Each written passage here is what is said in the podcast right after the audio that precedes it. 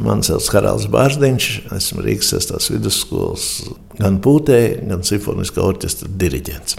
Vai tu zini, ka ir mainījies šobrīd vecāku attieksme pret viņu bērnu pienākumiem? Ja mēs pieskaramies jautājumam par to atbildības sajūtu kolektīvu priekšā, diemžēl man jāsaka, ir mainījies. Ja agrāk nu, neierašanās uz koncertu bija vai nu ļoti smagas slimības, kur vecāki ļoti pārdzīvoja un zvanīja, ko mums darīt, kad pēkšņi temperatūra ir 40.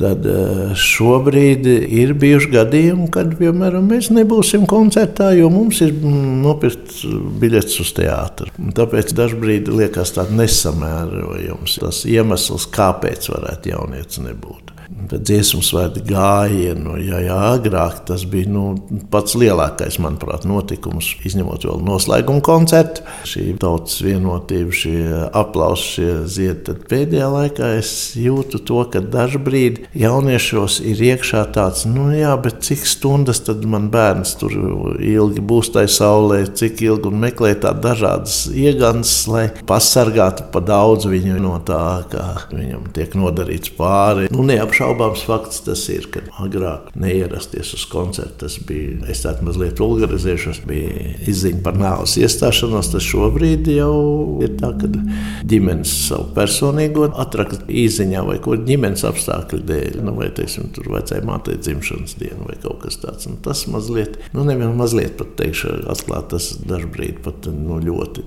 tevi nošokē, ja tu esi gadu strādājis. Un, autoripu ar četriem riteņiem. Ja vienu riteni noņem nost, tad nu, viņš nebrauks vairs. Nu, daži vecāki to iedomājas, ka nu, nu, kas tur ja simts ir, no nu viens neatnāks. Tas ir tāds mazliet tāds darbs pilientiņš, kas ir. Bet turpat tā sakal, teiksim, mums bija gadījums iepriekšējos pieaugušo dziesmu svētkos. Nu, tas, es domāju, bija medaļas vērts gadījums par apzinīgumu. Rihards Sīpols, trombonu grupas koncertmeistaram, bija skates dienā, kad fināla skate bija. Viņš jau nogriezīs divus pirkstus ar pļauju mašīnu. Un vakarā viņš spēlēja koncertā. Jūs varat iedomāties, es, viņam burtiski teicu, ko tu dari. Viņš saka, nē, nu man piešūva klāt, un trombons nav klarneti. Viņš saka, un anestezija, viņš saka, vēl ir iekšā. Viņš saka, bet jānospēlē. Nu, tur man asaras saskrējās par to atbildību, kāda bija. Nu, Galvaspirkstiem bija pļaumašīnā, kaut ko ņēmis, pļaumašīna ieslēdzās. Viņš ar to nobindēja to roku, bet to kulisi jā,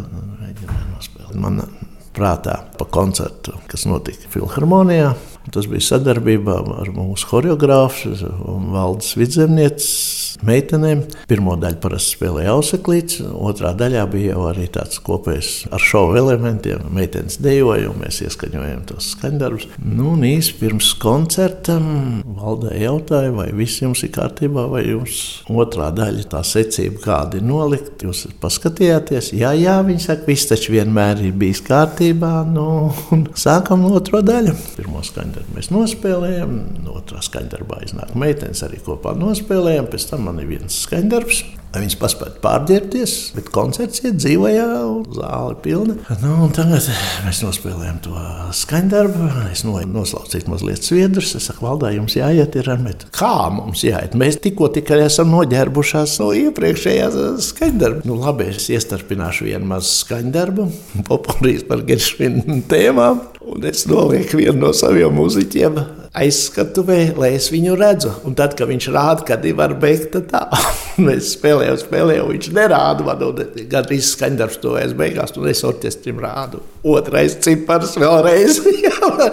mēs stiepam to geršvīnu aptuveni. No divas minūtes vismaz vēl pāri tam, kas bija uzrakstīts. Bet paldies Dievam, tas mums izdevās, un tā publika lāga nesajūta. Nu, nav noslēpums, ka labākais klarnetists spēlē simfoniskā, labākais trompetists, bet viņiem, šiem jauniešiem, ir dubults slodze. Ja jau tāpat ir milzīgi mēģinājumi, nu, priecē, ka arī tur ir mazliet sakārtots, ja mēģinājums bija kādreiz, kad diriģentam deva vienalga, kamēr viņš nesakārto, tad, tad ļoti precīzs laiks tev iedots, 10 vai 15 minūtes vai 5, nu, atkarībā no tā, kāds tas grafiks. Parasti nepārsniedz sniedz tos mēģinājumus. Ilgums. Bet, nu, redziet, tie bērni, kas ir mūsu skolā, viņi pamatos dzīvo vai nu pie Rīgā vai Rīgā. Un viņi nakšņo mājās, un tad jau tā nakts dzīve viņiem, kas ir parasti tā bohēma, kad sabrauc no visas valsts, nu, viņiem mazliet izpaliek tas. Tāpēc es pat neatceros kādu gadījumu, ka būtu kaut kāds liels ČP. Visi parasti ir tikuši galā ar saviem pienākumiem un, un atkal minām. Vairāk kārt atkārtojas, mums ir diezgan strikta disciplīna. Ja gadījumā kaut kas gadās, tad, protams, tev ir laicīgi jāziņo un arī pašam jāsarunā kāds vietnieks vai kaut ko. Bet, teiksim, no tāda viedokļa, kad viņi pārguruši, es domāju, ka, ne, ka tā dziesmu svētku gaisotne, tad, kad tie dziesmu svētki beidzās, tad, tad ir tāds atslābums. Te jau ir tas fenomens. Ja tu iesi viens pats 40 km, tad knap dzīves būs, bet ja tu iesi smuki ierindā kopā ar kolēģiem, viss, tad tas ir paceļams. Domāju, tur jau ir tā dziesmu svētku burvība. Mazliet iebildīšu, kāda šobrīd ir arī varbūt tās uh, skolēnu dziesmu svētki, tas e-variants. Te pietrūkst tas, kad mēs esam kopā. Jo tad tas kopā skanējums jau ir tā enerģija, kopā būšana, tas, tas prieks un viss.